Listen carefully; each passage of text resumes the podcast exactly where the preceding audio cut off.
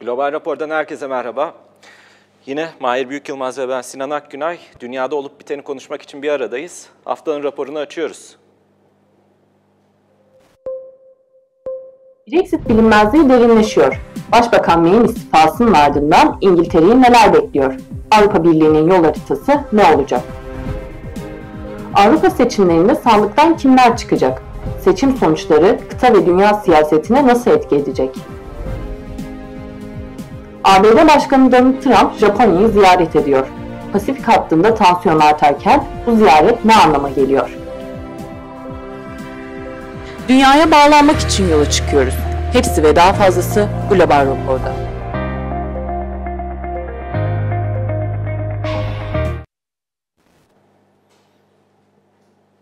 Bugün 27 Mayıs 2019. Burası Global Rapor. Bizi izleyen herkese merhaba. Evet Sinan, ee, raporu açalım. İstersen Theresa May ile başlayalım. Tamam. Ee, ağlayarak e, görevi teslim etti. Görev süresi boyunca kimi zaman sert duruşlar sergiledi, kimi zaman muhalefetle amansız bir mücadeleye girdi. Çok eleştirildi, e, çok istifa çağrılarına maruz kaldı. İstersen senle başlayalım. Sen nasıl gördün? Sinan, geçtiğimiz hafta programı Theresa May'in olası istifasıyla kapamıştık ve 7 Haziran'dan önce bir istifanın gelebileceğini söylemiştik ki biz programı kapattıktan hemen e, ertesi sabah e, istifasını açıkladı Theresa May. E, ve çok aslında duygusal bir konuşmayla e, Downing Sokağı 10 numara yani İngiltere'de başbakanın konutuna e, veda etti. Bu ülkeyi çok seviyorum dedi e, ve İngiliz halkına söz verdiğim şekilde bir Brexit anlaşmasını e, ortaya koyamadan görevden ayrılacak olmaktan da çok üzülüyorum dedi. Tabii e, Theresa May ayın 7'sinde 7 Haziran'da görevden ayrılacak ve e, dördüncü kez parlamentoya e, bir Brexit anlaşması taslağı getirecek. E, fakat tabii bu taslağın e, çok ciddi bir e, destek bulması beklenmiyor. E, Muhafazakar Parti şu anda kendi içerisine dönmüş durumda. E, fakat aslında olası lider adaylarına biraz sonra bakalım. E, birazcık genel olarak İngiliz siyasetinde ne oluyor? E, Theresa May'in e, istifası sonrasında İngiltere'yi ne bekliyor sorusuna e, muhalefetten başlayarak istersen yanıt arayalım. E, istifanın gelmesinin hemen ardından e, İşçi Partisi'nin ağır toplarından başta John McDonnell olmak üzere ki kendisi e, gölge kabinenin e, mali ve ekonomi işlerden sorumlu bakanı ve Jeremy Corbyn'in e, hemen arkasındaki ikinci adam olduğunu söyleyebiliriz. E, halk oylaması gerektiğine dair bir tweet attı. Tabi burada halk oylamasına gidilmesi çağrısı aslında bir noktada muğlak. Çünkü burada McDonald'ın yeni bir referanduma mı işaret ettiği yoksa bir erken seçime mi işaret ettiği aslında tam olarak belirlenmiş değil. Gene İşçi Partisi'nin önde gelen isimlerinden ve Jeremy Corbyn'in yakın ekibinden Abbott da benzer bir şekilde bir çağrıda bulundu ve halk oylamasını işaret etti. Ardından Jeremy Corbyn tekrar bir referanduma gidilmesinin gerekli olacağını e, ve e, şartların 2016'dan bugüne farklılaştığını, bu nedenle Brexit konusunda e, kati bir adım atmadan önce mevcut şartlar dahilinde yeniden halka e, sorulması gerektiğini, Avrupa'dan çıkış yapıp yapmama konusunun altını çizdi. Şimdi 31 Ekim'e kadar ciddi bir zaman var ve muhafazakarlar bu süreyi yeni başbakanlarıyla aslında ve yeni parti liderleriyle götürecekler. Ee, İngiltere'de geleneksel olarak e, Eylül-Ekim aylarında partilerin kongreleri var. E, bu kongre sürecine e, İşçi Partisi'nin e, yeni bir referandum yanlısı net bir pozisyonla gitmesi bekleniyor. Tabii Muhafazakar Parti de aslında kendi içine ciddi karışmış durumda Sinan. Burada bazı isimlerin ön plana çıktığını görüyoruz. Eski Dışişleri Bakanı Boris Johnson en önde gelen isimlerden. Fakat Boris Johnson tabii ciddi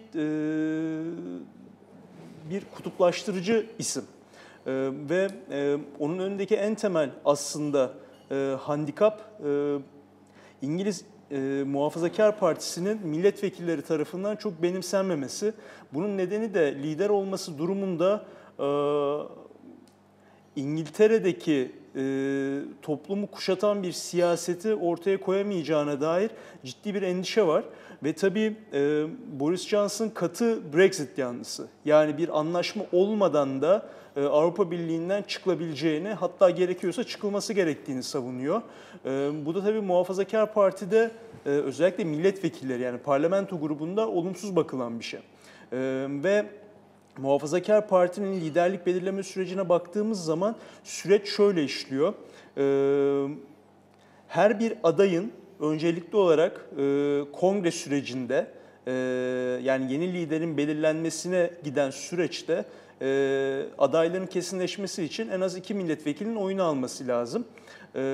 Daha sonrasında da bu süreç en fazla oya alan iki adayın yapılan büyük kongreye çıkmasıyla aslında sonuçlanıyor. Ve burada da e, yaklaşık 160 bine yakın e, Muhafazakar Parti üyesi partilerinin yeni liderini ve mevcut durumda da aslında başbakanı seçiyor. Yani İngiltere'nin yeni başbakanını e, Muhafaza, Muhafazakar Parti'nin milletvekilleri ve 160 bin üyesi belirleyecek. Şimdi Boris Johnson'ın böyle bir şeyi var. Üyeler tarafından çok seviliyor yapılan yoklamalarda %30 gibi ciddi bir aslında üyenin desteğini alabileceği, dolayısıyla da seçimi birinci olarak kapatabileceği görülüyor. Fakat milletvekillerinin desteği arkasında değil şu aşamada. Öne çıkan diğer bir isim mevcut Dışişleri Bakanı Jeremy Hunt. Jeremy Hunt da Theresa May gibi 2016'da e, Avrupa Birliği'nde kalma yanlılarından e, biriydi. E, fakat daha sonra Theresa May ile aslında e, birlikte e, sert bir tutum e, takınan e, Muhafazakar Parti kitlesi içerisine e, dahil oldu ve e, Avrupa'dan çıkışı savunan isimlerin başında geliyor. E, fakat tabii e, Muhafazakar Parti milletvekillerine, parlamento grubunda ciddi bir desteği var e, Jeremy Hunt'ın. Çünkü bir lider figürü olarak e, İngiltere'nin geneline hitap edebileceğine dair bir e, aslında algı söz konusu. E, şimdi bu noktada bu algı bir yandan aslında Boris Johnson'da da şöyle işliyor. Boris Johnson e, evet kutuplaştırıcı bir figür ve İngiltere'de e, muhafazakarları tekrar iktidara getirebilecek, oy çoğunluğunu sağlayamayabileceğine dair bir endişe var parlamento grubunda. E, fakat şöyle bir e, algısı olduğunu da aslında belirtmek lazım. Boris Johnson insanlar gözünde bir savaşçı olarak görülüyor. Yani bir mesajı karşı tarafa geçirebilen, insanları inandırabilen ve hareketlendirebilen bir lider adayı olarak görülüyor. Dolayısıyla onu da kendisini teslim etmek lazım. Ee, Jeremy Hunt dedik. Diğer bir isim olarak da e, istifa eden Brexit Bakanı Dominic Raab olarak görülüyor. Ki Dominic Raab e, 2016'da e, İngiltere'den Avrupa Birliği'nden e, ayrılma kampanyasının e, direktörü Stephenson'la e, çok yakın ilişki içerisinde ve Nisan ayında e, Dominic Raab'a destek başlığı altında Muhafazakar Parti içerisinde zaten bir liderlik kampanyası başlatılmıştı. Dominic Raab da sert çıkış yanlılarından. Yani gerekirse bir anlaşma olmadan Avrupa Birliği'nden ayrılmalıyız fikrini savunuyor. Ee, aslında Boris Johnson'la ikisinin e, ortak noktası da bu temel pozisyonu e, şundan dolayı Muhafazakar Parti tabanına hitap edebilmek. Yani üye tabanına hitap edebilmek adına almış durumdalar. Ee, gene Boris Johnson'ın eski müttefiklerinden daha sonra da e, en önemli düşmanlarından biri haline gelen mevcut Çevre Bakanı Michael Gove da adaylığını açıkladı. E, fakat çok ön plandaki adaylardan birisi değil kendisi Sinan. E, geçen programda çok kısa değinmiştim. E, Matt Hancock burada e, ayrı bir isim. E, bir kere çok genç, e, Sağlık Bakanı şu anda ve e, önemli toplumsal projeler yürütüyor ve özellikle manşetleri de e, başarılarıyla şu anda kaçırmış durumda, kaplamış durumda. E, o da adaylığını açıkladı. E, Gene en son e, Theresa May kabilesinden geçtiğimiz hafta istifa eden e, Avam Kamerası lideri Leadsom da e, adaylardan bir tanesi.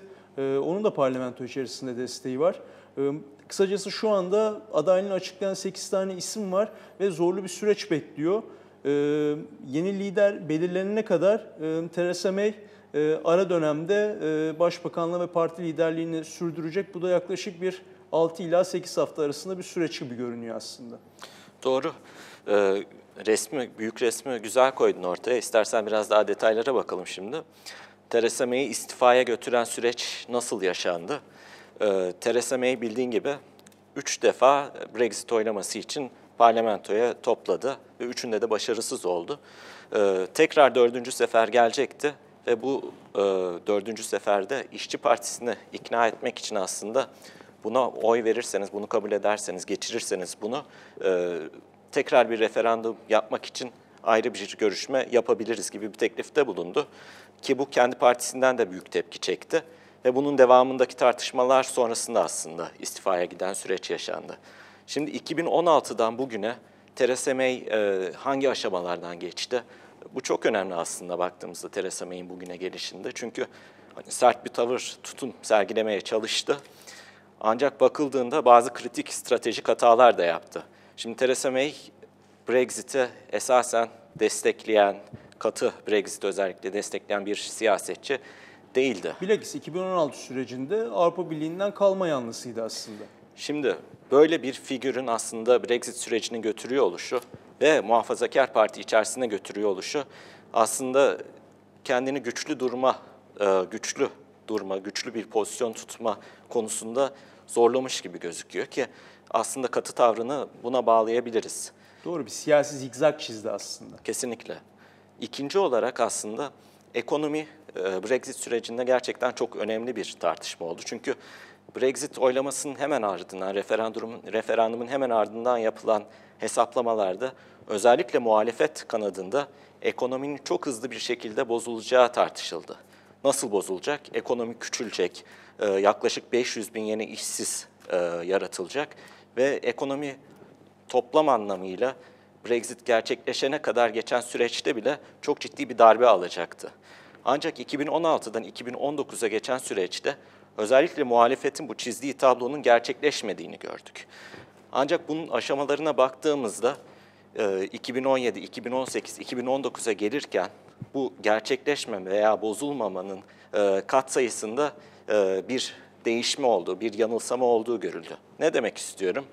2017'ye gelindiğinde aslında 2016'daki e, olumsuz öngörülerin gerçekleşmemesiyle beraber aslında Brexit'in olumsuz ekonomik etkilerinin olmayacağı ve hatta daha yumuşak bir süreç geçireceği gibi bir e, argüman atıldı ortaya ki Theresa May de aslında bu trenin başını çekti. Doğru. Yani Muhafazakar Parti'nin ki aslında hem parlamento grubu hem de taban söylediğimiz gibi e, Brexit yanlısı ki Theresa May'in genel siyasi çizgisindeki değişim de e, o tabana ve parlamentoya hitap etmek içindi. Ve muhafazakarların topluma anlattığı e, mesaj bütününün içerisinde ekonominin aslında sanıldığı, iddia edildiği kadar kötüye gitmeyeceği fikri çok merkez bir öğeydi. Ee, Theresa May'in de yaptığı temel yanlışlardan bir tanesi bunu sahiplenmek oldu. Ama tabii işte Avrupa seçimlerinde de mesela sonuçları görüyoruz ki bununla çok ilintili. E, hali hazırda e, ekonomiyi yaralamaya başladı tabii e, ki tabii. Brexit tartışmaları. Özellikle geçen seneden bu seneye baktığımızda ekonomik etkilerinin yine 2016 öngörüsü gibi olmamakla beraber bozulduğu, yatırımlarda bir yavaşlama olduğu, e, tüketim alışkanlıklarında bir değişme olduğu, özellikle Londra ölçe ölçeğinde e, bir bozulma sürecinin yaşandığı görülüyor. Bu demek değildir ki e, işsizlik şu an için artıyor veyahut ekonomi küçülüyor. Ekonomi küçülmüyor ancak hızlı da büyümüyor. E, işsizlik konusunda başarısız bir durum yok şu anda. Ancak hissedilen vatandaşın hissettiği refah seviyesinde e, bir bozulma olduğu anlaşılıyor ki senin dediğin gibi seçim sonuçlarını da bu bağlamda tartışırız. Şimdi belki de en büyük stratejik hatalarından bir tanesi erken genel seçim oldu. Ne dersin? Doğru Sinan. Ee, aslında şuradan ele alalım. Şimdi bu dediğin noktayı bütünlemek adına bunu söylüyorum. Şimdi muhafazakar partinin parlamento grubunda da e, sert Brexit e, karşısında ciddi bir kamplaşma var. Yani parlamento üyeleri e, 2022'deki seçime e, bozulmuş bir ekonomiyi, e, bozulmuş bir ekonomiye neden olan e, milletvekilleri olarak, siyasiler olarak gitmek istemiyorlar. E, çünkü son bir sene içerisinde e, ekonomik bozulmada bir takım işaretleri gelmeye başladı e, Brexit e, temelli. E, Theresa May'in yaptığı temel yanlışlardan bir tanesi de şuydu aslında. Theresa May dediğimiz gibi e, Brexit'in karşısındaydı. Daha sonra Brexit fikrini e, taşımak üzere çok sert bir siyasi çizgiye kaydı. E, fakat bütün bunları yaparken birazcık da belki kendinden bir önceki o büyük siyasi kadın figür Margaret Thatcher vari bir siyasi dil, bir siyasi imaj ortaya koyma gayretindeydi. Yani çok sert, ödün vermeyen, söylediğini yaptıran, asla geri adım atmayan bir siyasetçi olarak aslında kendi siyasi hatırasını inşa etme gayretindeydi. Fakat Esasında şu son görüntüsüyle beraber değerlendirdiğimizde e, çok da kendine oturmadığı da anlaşılıyor. Buna. tabii yani gözyaşları İngiltere'de çok ciddi bir tartışma yarattı. Ee, ve hem sağdan hem soldan bu gözyaşlarını pek samimi bulmayan aslında e, kanaat önderleri var. Bunu bunu söyleyebiliriz. Ve Sinan e, bu sert tavrı sergilemekteki ısrarı sonucunda da ihtiyaç duyduğu e, o parlamentodaki ek desteği sağlamak adına muhalefete el uzatmadı. Ta ki e, işler son raddeye gelene kadar. E, bu noktada da tabii ki e, İşçi Partisi kendilerine uzatılan bu eli aslında kabul etmedi baktığımız zaman. E, ve yani Theresa May burada çok dalgalı bir performans sergiledi aslında. Şimdi resmin bu tarafına baktığımızda sen diyorsun ki e, şimdi liderler mücadelesi olacak, liderlik mücadelesi olacak muhafazakar partide. Ve bu kuşkusuz ki ülkenin başbakanını belirliyor olacaklar ve ciddi bir çekişme olacak. Şimdi Çok pardon, e, soruna ben yanıt vermedim aslında. Erken seçime gitmek bir hata mıydı? Bu başka bir tartışma. Ama erken seçim sonucunda Theresa May'in çok ciddi bir yenilgi aldığı da ortada. Ki tek başına çoğunluğu kaybetti e, ve e, yani DUP'un desteğine muhtaç kalacak bir noktaya geldi baktığımızda. umduğunu bulamadı. Umduğunu bulamadı. Bu da tabii Brexit sürecini yönetme kabiliyetini ve kapasitesini de aşağı düşüren bir şey oldu. Tabii zaten ondan sonraki Brexit hamlelerini, pozisyonunu, e, gücünü, özellikle parlamento içerisindeki gücünü giderek zayıfladığını ve aşağı doğru gerisi. gittiğini Evet, görüyoruz. E, şimdi liderlik seçimlerine geri dönecek olursak senin söylediğin gibi en olası, en güçlü aday Boris Johnson şu an için. Herkes bunu konuşuyor. Bir dipnot olarak verelim.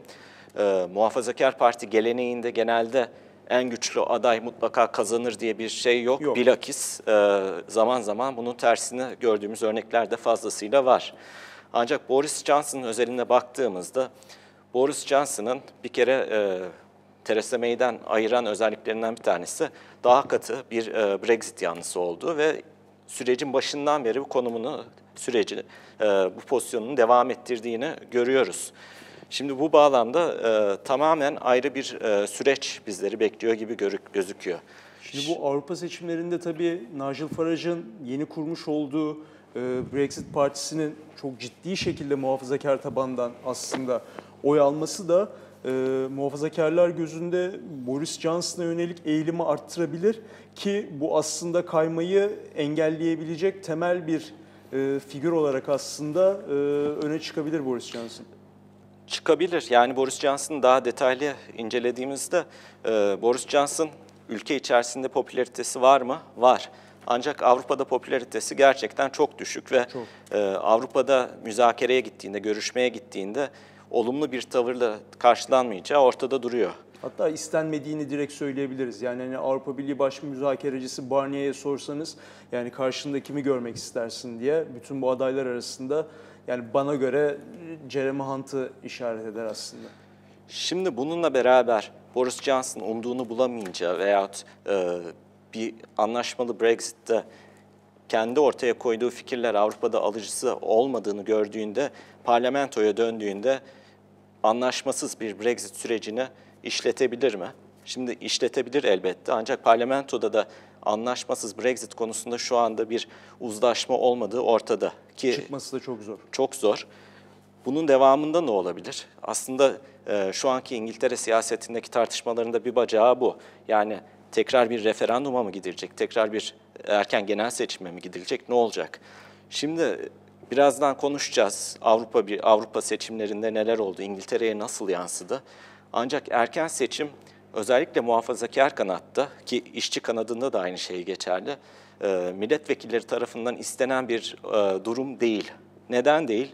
Partileri gerçekten zayıflamış durumda ve kimsenin koltuğu garanti değil şu an için. Doğru. Mesela Nigel Farage hemen e, ilk sonuçlar gelmeye başlamasının ardından e, o da mesela İşçi Partisi gibi bir erken seçim talebinde bulundu. Dolayısıyla belirsizliğin devam ettiği, karmaşanın devam ettiği bir durum, bir e, kısa vadeli gelecek İngiltere'de e, yaşanmaya devam edecek gibi gözüküyor. Hadi bu demek değildir ki e, anlaşmasız Brexit ihtimali artmadı. Hayır arttı. Bunu İngiltere'deki kaynaklar da dile getiriyor. İşte Moody's gibi e, yatırımcı raporları da dile getiriyor. E, gerçekten artmış durumda şu an için anlaşmasız Brexit ihtimali.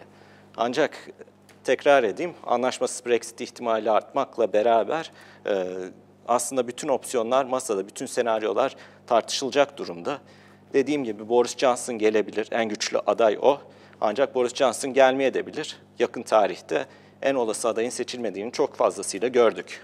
Doğru. Boris Johnson'ın gelmesi belki yakın vadede Muhafazakar Parti'nin kendi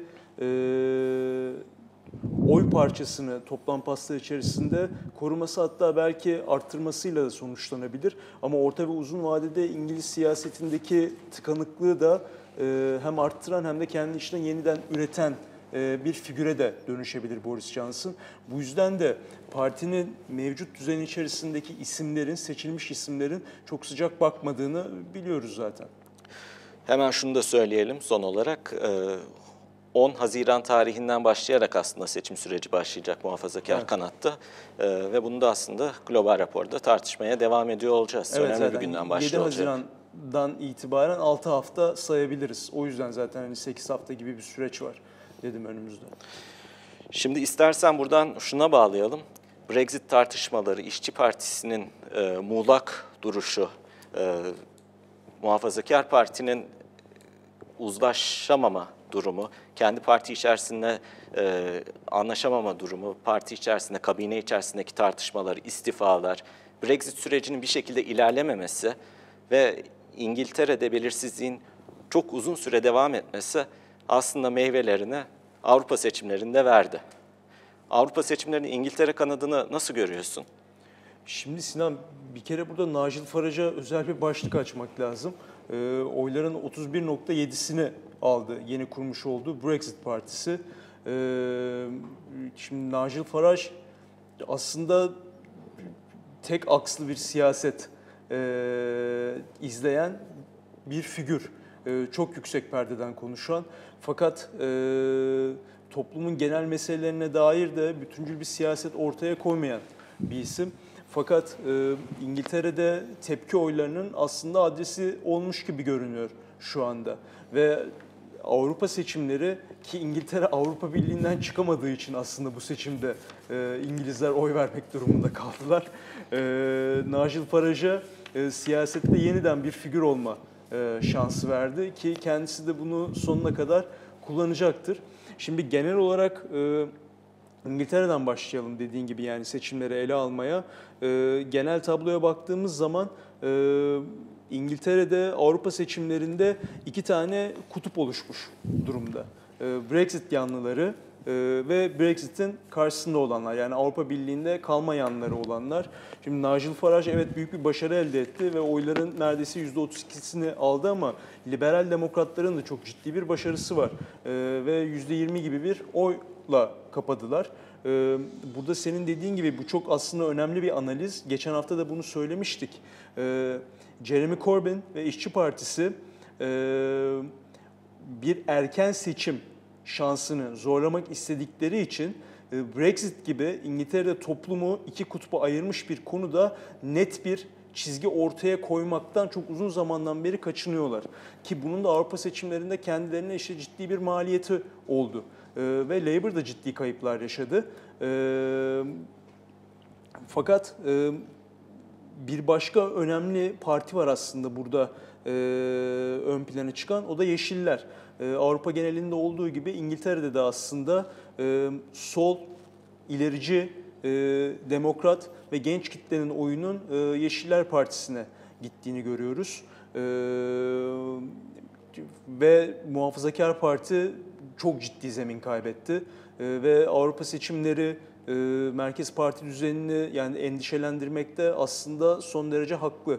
Çünkü e, eğer bu tablo İngiltere büyük siyasetine tahvil edilecek olursa Muhafazakar Parti çok ciddi yara alacak e, baktığımızda. Fakat şimdi Nigel Farage e, geri dönecek olursak şunu söylüyor.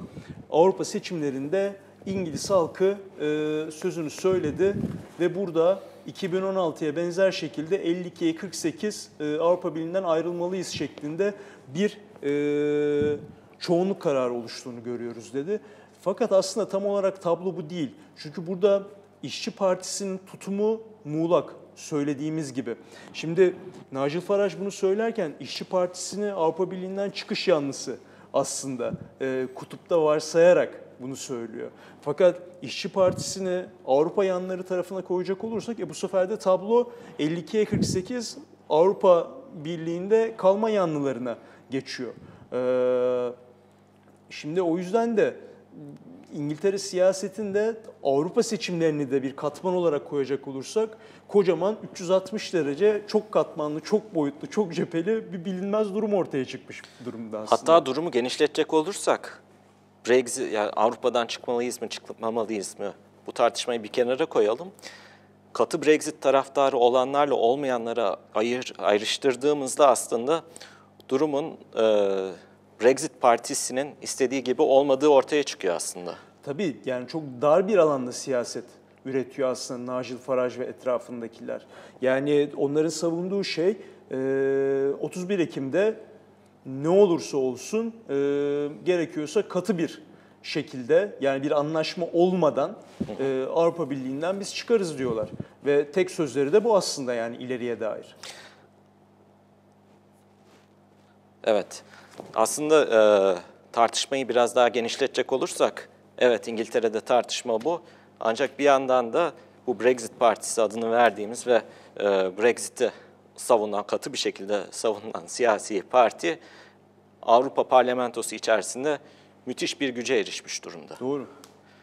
Şimdi tabii peki Avrupa'da durum ne? Birazcık da ona girelim istersen. Şimdi Avrupa'ya baktığımızda öncelikle şunun altını çizmemiz gerekiyor. Ee, Birçok kesimin beklediği aslında radikal sağ dalga tam anlamıyla gerçekleşmedi. Doğru. Şimdi e, evet merkezdeki partiler zemin kaybetti. İşte Almanya'da olsun, İngiltere'de olsun zemin kaybettiler ve bu aslında Avrupa'nın yapısına, yapısal durumuna geleneksel olarak baktığımızda bir dönüşme işaret ediyor. Ancak radikal, e, aşırı sağ dalga belli ülkelerde yükselmekle beraber bunu görüyoruz. E, genel anlamda baktığımızda Yeşillerin de liberal demokratların da ciddi bir şekilde güçlendiğini ve bunun sonucu olarak e, Avrupa Birliği projesinin ayakta kalmakta olduğunu görüyoruz. Ve hatta bu tartışmayı aslında şöyle açabiliriz. E, baktığımızda oy kullanım oranlarına baktığımızda e, Bir kere %50 katılımın geçilmesi 1979'dan Evet. beri ilk defa bir artış olduğunu görüyoruz. Son 20 yıldır, yıl- 20 yılın sonunda ciddi bir artış olduğunu görüyoruz. %50 barajını geçmiş olduklarını görüyoruz ki e, bu çok önemli. Ve bu aslında bize söylüyor ki Avrupa Birliği projesi devam ediyor. Avrupa Birliği'ni de- değiştirmek isteyenler Avrupa Parlamentosu işleyişini, politika yapımını, e, politika süreçlerini değiştirmek isteyenler bile bu projenin içerisinde yer alarak içeriden değiştirmek istiyorlar. Doğru, çok çok önemli bir analiz Sinan. Şimdi bunun devamına baktığımızda aslında ülke ülke baktığımızda birçok siyasi hikayeyle karşı karşıya kalıyoruz. Belki de e, ilk siyasi hikayelerden bir tanesinin dün gece ortaya çıkan Yunanistan'da yaşandı. Evet, büyük büyük büyük bir Sen yakından takip ettin Yunanistan'ı. E, erken genel seçime de gidiyorlar. aslında e, yani birkaç cümleyle anlatılabilecek bir hikaye. E, Siriza ve Çipras e, çok büyük bir dalgayla dünya çapında iş başına gelmişti. Özellikle ilerici sol siyaset için e, çok önemli bir e, figür halindeydi aslında Çipras başbakan olduğunda. Fakat Siriza projesinin e, çok başarılı olmaması, özellikle Yunanistan'da ve dünyadaki o rüzgarını da kaybetmesiyle beraber bugün artık Çipras başbakanlık koltuğunu da kaybetme noktasına geldi. E, Yeni Demokrasi Partisi çok ciddi şekilde zemin kazandı ve Çipras bugün e, bir erken genel seçim açıklamasında bulundu. Ee, dediğimiz gibi e, başbakanlıktan olması da çok olası bir seçenek e, ilerleyen dönemde. Öyle gözüküyor. Ee, oradan istersen daha merkezi bir noktaya ulaşalım. Fransa'da ne oldu? Fransa'da 2014'te olduğu gibi Le Pen bir kez daha kazandı. Ee, bir zafer konuşması yaptı. Tabii kazandığı sandalye sayısı düştü. Düştü. Bu- Bunu evet. söyleyelim. Burada önemli olan aslında Macron ne yaptı ona bakmak. Macron ülkesinde çok tartışıldı, eylemlerle e, karşı karşıya kaldı ve durumu merak ediliyordu. Aslında Le Pen Macron'a karşı kıl, kıl payı bir e, zafer elde etti. 22'ye 21 gibi bir rakam söz konusu. Macron aslında kaybetmiş gibi gözükmüyor. Ne dersin? Bence doğru bir tespit olur. Çünkü Fransa e, merkez siyasetin geleneğinin çok kuvvetli olduğu bir ülke aslında Batı Avrupa'da ve burada e, daha birkaç sene önce kurulan En Marş hareketinin e, merkezdeki iki ana parti yani Le Republican ve e, Parti Sosyalist'in önüne geçmesi ve iki partinin de ki sosyalistler burada çok büyük zemin kaybettiler. Sinan çok aslında e, üzücü bir tablo baktığımızda. Çünkü yani %9'un altında e, bir oy aldılar. E, ve önemli bir geleneğin erimiş olduğunu görüyoruz. Şimdi buradan bakınca aslında En Marche ve Macron son derece başarılı. E, Le Pen mevcut zeminini e, babasından devraldığı, daha ileriye götürdüğü, e, yani emek emek inşa ettiği aslında e, parti tabanını koruyor. Bunu Avrupa seçimlerine de taşıdı. Fakat çok büyük bir başarı söz konusu değil burada. Ki e, burada Macron'a belki en son parlamento resmini ele aldığımızda aslında tekrar bir başlık açmak lazım. Çünkü e, Hollanda Başbakanı Rutte ile başlattıkları Avrupa Parlamentosu'ndaki liberal demokrat ittifak aslında başarı gösterdi ve e, senin de söze başladığın gibi Avrupa'nın genel sattığına baktığımız zaman burada e, aşırıcı akımların çok da başarılı olmadığı sonucuna varacağız bütün e, ülkeleri tek tek değerlendirdikten sonra. Şimdi e, şöyle de bir tablo çıkıyor aslında. Macron hemen bugünden başlayarak Avrupa Parlamentosu Başkanlığı için müzakerelerini, görüşmelerini, kulislerini başlatmış durumda. Almanya ile olsun, başka ülkelerle olsun e, gerçekten hızlı bir e, kulis sürecine girdi. Ve Macron bu sürecin devamında e, kendisinin, e, kendi hareketinin ön planda olduğu, kendi hareketinin ciddi destek sağladığı bir yapı, bir e, reform süreci başlatmak istiyor aslında. Bu reform sürecini geçtiğimiz yıl konuşmuştuk. Merkel'le konuşmalar gerçekleşiyordu. Ancak özellikle bu seçimlerden sonra Macron elinin güçlendiğini düşünüyor. Ve Kesinlikle doğru. Çünkü şimdi Avrupa Parlamentosu'ndaki sonuçlara baktığımızda evet merkez parlamento grupları eridiler. Yani Sosyal Demokrat İttifak ve e, Avrupa Halk Partisi. Yani merkez sol ve merkez sağ gruplar toplamda e, 80 sandalye kaybetti. Bunun temel nedeni de bir İngiltere'de yaşanan kayıplar, Almanya'da yaşanan ve Fransa'da yaşanan kayıplar ki Almanya'da yani CDU, CSU da ciddi bir şekilde zemin kaybetti. Tabii SPD gene Fransa'dakine benzer şekilde e, tamamen erime noktasına geldi. Fakat burada e, EPP'yi yani e, Merkez Sağ ittifakı bir tarafa koyarsak e, Sosyal Demokrat İttifak e, Avrupa Parlamentosu'na giren farklı yeşil partilerin Avrupa genelinden oluşturacağı kanat ve Ki bu kanatta hiç olmadığı kadar güçlü. Zaten en ümit veren şey aslında Avrupa projesine ve geleceğe dair aslında e, Yeşillerin kazanmış olduğu bu momentum ileriye yönelik ve e, Emmanuel Macron ve Mark Rutte tarafından kurulan e, Liberal Demokrat İttifak e, toplamda 326 sandalye kazandılar Sinan ve gelen ilk açıklamalar e, Avrupa'nın geleceğini ve özellikle e, tepedeki roller yani komisyon başkanı, e, parlamento başkanı, konsey başkanı ve dış ilişkiler e, komiserliği gibi dört ana rolü bu grubun birlikte hareket ederek belirleyeceğine dair bir ilk sinyal verildi. Bu çok önemli aslında. Ancak şunu da not etmek lazım. Yaklaşık %66'lık 67'lik bir çoğunluk var. Ee, pratikte aslında işleyişin devam etmesi için %60'lık bir çoğunluğun gerekli olduğundan söz ediliyor. Şimdi bu yapıların, bu partilerin, e, farklı oluşumların hep beraber kuracakları bir koalisyon e, yönetimi zor, ilerleyişi zor bir yapı. Çünkü e, çok farklı yapıların bir araya geldiğini, alışık olunmayan bir durumun ortaya çıktığını da görüyoruz. Doğru ama burada şunun da bir altını çizelim. Şimdi İspanya'da e, Sosyalist Parti çok ciddi bir başarı gösterdi. Yani Pedro Sanchez'in yani İspanya Başbakanı Pedro Sanchez'in parlamentodaki e, sosyal demokrat, merkez sol kanatın liderliğini üstleneceğini görebiliriz. Ki Pedro Sanchez'in Emmanuel Macron'la yakın bir ilişkisi var. Doğru. Ee, Başbakanlığa geldiğinden itibaren tesis ettiği, gene Hollanda Başbakanı Rutte ile ikisinin çok yakın bir ilişkisi var. Dolayısıyla aslında bir birliktelik kurmaları e, çok da e, yani böyle zor görünmüyor aslında. Belki de becerebilirler. Tabii şimdi e, Salvini deyip e, topu sana atayım. İtalya'da ne oldu?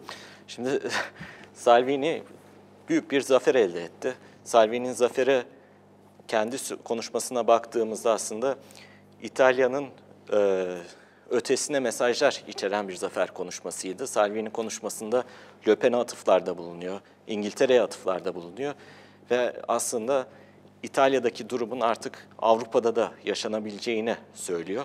Salvini kendi içerisinde elbette çok önemli. İtalya açısından da çok önemli çünkü Lig Partisi ile e, koalisyon ortağının arasında bir denge söz konusuydu. Salvini'nin bu denge içerisinde giderek güçlendiğini de görüyoruz seçmen davranışı olarak. E, ve İtalya'da siyaset nasıl şekillenecek bundan sonra? Salvini bunu devam ettirebilecek mi, et- ettiremeyecek mi? Bunları da yakından takip ediyor olacağız. Ki şöyle Avrupa'nın büyük ülkeleri diyebileceğimiz e, ve Avrupa Birliği'nde Avrupa Birliği projesinin merkez ülkelerinden e, aşırıcı sağ kanadın hakim hale geldiği ilk ülke İtalya olabilir resmi olarak bir seçim sonucunda. Çünkü Salvini'nin yükselişi diğer partiler tarafından yönetilir ya da engellenebilir değil. Burada tabii Salvini seçimden sonra hemen yeni projesini açıkladı ve dedi ki ben Le Pen e, ve e, Macaristan Başbakanı ki Fidesz, e, Viktor Orban liderliğinde Macaristan'da oyların %52'sini aldı. E, yani bir hegemonik e, durum söz konusu. Salvini biz üçümüz bir araya gelip e, Avrupa Birliği karşıtı bir e, kanat oluşturacağız Avrupa Parlamentosu'nun açıklamasını yaptı. Evet, yani ilginç gelişmelere gebe. Avusturya'da ilginç bir durum oluştu aslında. Avusturya'da kendi içerisinde bir siyasi kriz de çal- çalkalanıyor. Hükümet düştü. Ancak hükümet düşmeden hemen öncesinde e, ana iktidar ortağı güçlü bir şekilde seçimini kazandı. Doğru. Şimdi e, Avusturya'da tabii yani bir erken seçim söz konusu. E, mevcut Başbakan Kurz aslında e, güven oyu alıp bir erken seçime kadar görevinde kalmayı amaçlıyordu. Fakat bunda da başarılı olamadı. Dolayısıyla Avusturya siyaseti şu anda toplam bir boşluk olarak değerlendirilebilir. Yeni başbakanı Cumhurbaşkanı belirleyecek. E, farklı isimler var. E, bu da izleyeceğimiz konulardan bir tanesi. Burada enteresan bir konu aslında Avrupa ölçeğine baktığımızda belki e, şu dönem içerisinde farklı ülkelere baktığımızda da benzer konular görülebilir. Merkez sağda yer alan ve daha radikal partilerle, radikal sağıyla işbirliği yapmaya çalışan, dirsek teması kuran ya da flört ediyor diyeyim. E, bu tarz yapılar merkezde eridiklerini aslında oy potansiyellerini radikal tarafa bıraktığını gördük. Doğru. Şimdi buradan aslında bir Almanya'ya girelim istersen. Almanya'da da e, söylediğimiz gibi SPD ciddi bir yenilgi aldı ve SPD tabanında hemen tartışmalar başladı. Biz bu büyük koalisyona tekrar girerek yani CDU ve CSU ile merkez sağ ile Angela Merkel'in başbakanlığında e, yeniden bir koalisyon kurarak hata mı ettik tartışmaları şu anda artarak aslında yükselecek ve Almanya'da e, SPD'nin karıştığını göreceğiz. Şimdi Almanya'da aslında Merkel e, ve CDU'nun yeni lideri e, Kapenhauer aslında başarılı oldular baktığımızda fakat ciddi zemin kaybettiler. Bu da Merkel sonrasında parti liderliğinin e, mevcut yeni lider tarafından götürülüp götürülemeyeceğine dair soru işaretlerinin ortaya çıkmasını sağladı. Çünkü iyi bir kampanyacı değil mi acaba şeklinde bir şüphe oluştu Sinan. Ki durumu daha da zorlaştıran bir konu Merkel'in Avrupa genelindeki gücü e, yeni liderde olmayacak. Olmayacak. Bu da tabii çok ciddi bir handikap. Bir de tabii Almanya'da şimdi bir EFD'ye bakalım. EFD e, sanıldığı kadar söylediğimiz gibi başarılı olamadı Almanya'da Avrupa seçimlerinde. Bu çok önemli. Fakat Almanya'da Yeşillerin çok ciddi şekilde e, güçlendiğini, güçlendiğini görüyoruz. Bu da umut veren bir şey. E, Yeşiller neden yükseldi? Birazcık da aslında ona bakalım. Ee, şimdi Avrupa genelinde bir merkez siyasetten kopuş var. Ee, merkez siyasetin insanların sorunlarına çözüm ürettiği ya da sorularına yanıt verebildiğine dair inanç zayıflıyor. Bu noktada da insanlar e, gündelik hayatlarındaki sorunlara dokunan siyaset üreten e, partilerin peşinden gidiyorlar. Şimdi Nigel Farage'ın başarısı da böyle ama e, demokrasi, ondan sonra insan hakları, e, iklim değişikliği gibi konularda Avrupa genelinde çok kuvvetli mesaj veren Yeşil Partileri aslında özellikle genç seçmenin sesi olmuş durumdalar. Bu da ileriye dair söylediğimiz gibi umut veren bir şey. Tabii burada umut veren bir diğer konu da aslında e, evet merkez partiler e, çöktü diyeyim ya da ağır bir tokat yemelerine karşın merkez partilerin Avrupa Birliği e, projesinin bayraktarlığını yaptığı durum aslında yavaş yavaş kaybolmaya başladığı da görülüyor. Yani merkez partiler evet oy kaybetti ancak Avrupa Birliği projesi çöktü diyemiyoruz. Çünkü e, onların oylarını alan, daha onlara göre radikal kabul edilebilecek partiler aslında bu projenin devamını, belki reform, belki farklı türlü devamını savunuyorlar. Doğru. Ee, İstersen konu... vaktimiz e, daralıyor. Kısa bir Japonya mı? Kısa bir Trump Japonya, e, Trump'ın Japonya gezisine bakalım. Çok enteresan bir gezi oldu. E, yani şöyle aslında geri planına bakacak olursak Trump 1980'lerde Trump'a baktığımızda bugün Çin'in nasıl ki ciğerini sökmek istiyor. Genç Trump da aynı şekilde iş adamı olarak Japonya'ya kafayı takmıştı. Doğru. Bugün gelinen noktada Japonya ile çok yakın bir ilişki kurmak istediği aslında e, Japonya kanadından da e, benzer ılımlı tavrın sergilendiğini görüyoruz. AB çok sıcak bir şekilde karşıladı. Magazinsel olarak baktığımızda Trump çok keyifli bir vakit geçirdi orada. Golfünü oynadı. Sumo güreşini izledi. Görüntüleri programın başında paylaşmıştık. Tabii Wagyu güzel yedi. Cheeseburgerini de yedi. Ondan sonra AB jest yaptı. İmparatorla görüştürdü. Bu da e, çok önemli bir jestti. Çünkü dünyada imparatorla, Japon imparatorluğuyla görüşen e, ilk lider olarak ortaya çıktı Trump. E, bununla beraber ticaret görüşmeleri oldu. Trump tabii ki ticaret görüşmek için gitmişti aslında. Biliyorsun Japonya ile Amer Japonya Amerika'nın dördüncü büyük ticaret ortağı. bir ticaret dengesizliği söz konusu idi. Trump bunu halletmek için gidiyor. ABD bir yandan Trump'la sıcak ilişkiler kuruyor. Bir yandan e, Amerika-Çin geriliminin gölgesinde Çin'le dengeyi sağlamaya çalışıyor. Çin'le çok yakın olmak istemiyor ancak ticaret ilişkilerini devam ettirmek istiyor. Bölgesel olarak e, onu da kaybetmek istemiyor. Askeri olarak da karşı karşıya gelmek istiyor. Gelmek istemiyor. Bir yandan Kuzey Kore konusu var ki e, Trump'ın attığı enteresan bir tweet de vardı dün. Joe Biden'ı eleştirirken e, Kuzey Kore liderine füze yollamış olsa bile füze yollamasının bazı arkadaşlarımızı, dostlarımızı korkutmakla beraber benim için sorun olmadığını, kendisi için sorun olmadığını söyledi Trump ve devamında aslında kimin Joe Biden'a IQ'sunun zayıf olduğunu, IQ'sunun düşük olmasını kendisine güldürdüğünü, hoşuna gittiğini söyledi. Çok hoşuna gitmiş Donald Bu Trump'ın. Amerika'da tartışıldı tabii. Doğru. Yani Trump için aslında her şey iç siyaset malzemesi baktığımızda. Ya bu, bu çok önemli bir örnek. Joe Biden örneği. Çünkü onu da kafaya takmış durumda aslında. Ee, Amerika'da başkanlık seçimleri yaklaşıyor. Şimdi Donald Trump'ın gezisinin enteresan yönleri var Sinan. Bir kere Shinzo Abe gelecek ay Tahran'a gideceğini açıkladı. Ee, ve Donald Trump e, Shinzo Abe'nin kendisine yaptığı İranlı olan e, durumda e, bir ara bulucu rolü üstlenebiliriz teklifini e, benimsediğini e, bir an önce Tahran'a gitmesi yönünde kendisine tavsiyede bulunduğunu söyledi. Bu çok önemli. E, şimdi Abe ile Trump ilişkisi aslında Trump seçildiği günden itibaren çok yakın. Shinzo Abe New York'a Trump Tower'da daha Trump başkan olarak yemin etmeden gidip kendisini tebrik etmişti. O gün Dipnot söyleyeyim.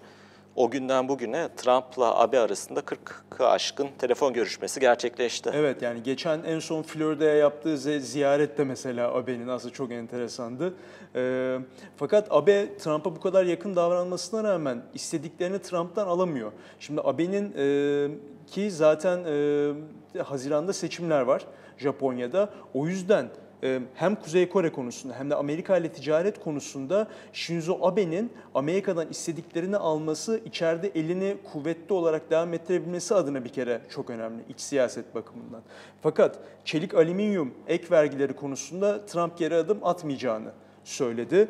Ee, otomobillere uygulanan ek vergiler konusunda bir 6 ay e, uzatmaya gittiğini söyledi. Bu da mesela Shinzo Abe'nin aslında hiç istemediği bir şeydi. Gene Trump e, İran söz konusu olduğunda ki İran enerjisinin önemli satın alıcılarından bir tanesi Japonya muafiyetini de uzatmadı baktığımızda. E, o yüzden şimdi ticaret konusunda istediklerini alamıyor. Zaten Nisan ayında ilk tur görüşmelerden de sonuç çıkmadı. Şimdi Donald Trump şunu söyledi gezi sırasında. e, önce bir seçim sonuçlarını görelim. Ondan sonra müzakerelere devam ederiz şeklinde bir e, söylem ortaya koydu. Bu da bir hayal kırıklığı e, AB cephesinden. Kuzey Kore konusunda özellikle bu e, kısa menzilli füze denemesine ilişkin bu benim için şahsen bir sorun değildir demesi gene çok büyük bir hayal kırıklığı. Çünkü Japonya'nın resmi pozisyonu bunun tam tersi. Gene Bir de şunu da eklemek lazım aslında. Görüşme öncesinde Kuzey Kore ile Amerika arasında e, iplerin gerilmesi aslında Japonya'nın hoşuna giden bir durumdu. Çünkü ortada bir gerilimin ol- olması, yakınlaşmanın olmaması aslında AB'yi içeride e, daha güçlü bir konuma getiren bir nokta oluyor. Doğru yükselen ve yükseltilen aslında Japon milliyetçiliği tonuyla bu son derece uyumlu. Şimdi bölgesel olarak baktığımızda Kuzey Kore ile ılımlı ilişkiler yürütme taraflısı olan bölgesel Amerikan müttefiki Güney Kore. Ee, ve Moon liderliğinde devam eden bir süreç var. Ee, ve bu sürecin e, temel aktörleri Kim Jong-un, e, Güney Kore Cumhurbaşkanı Moon, Çin e, Devlet Başkanı Xi Jinping ve Donald Trump. Yani bir dörtlü üzerinden götürülen bir müzakere süreci var. Ve Shinzo Abe bu resmin dışında kalmış durumda. Dolayısıyla sürecin askıya alınması ya da sekteye uğraması Abe'nin elini kuvvetlendiren bir şey. Hem dünya sahnesinde hem de Japonya iç siyaset sahnesinde. Kesinlikle öyle. İstersen yavaş yavaş Tamam. toparlayalım. Bu hafta gündemimiz yoğundu. Avrupa'yı konuştuk, İngiltere'yi konuştuk. En sonunda kısaca bir e, Japonya, Tokyo gezisi yaptık. Bizi izlediğiniz için teşekkür ederiz. Haftaya görüşmek üzere. Hoşçakalın.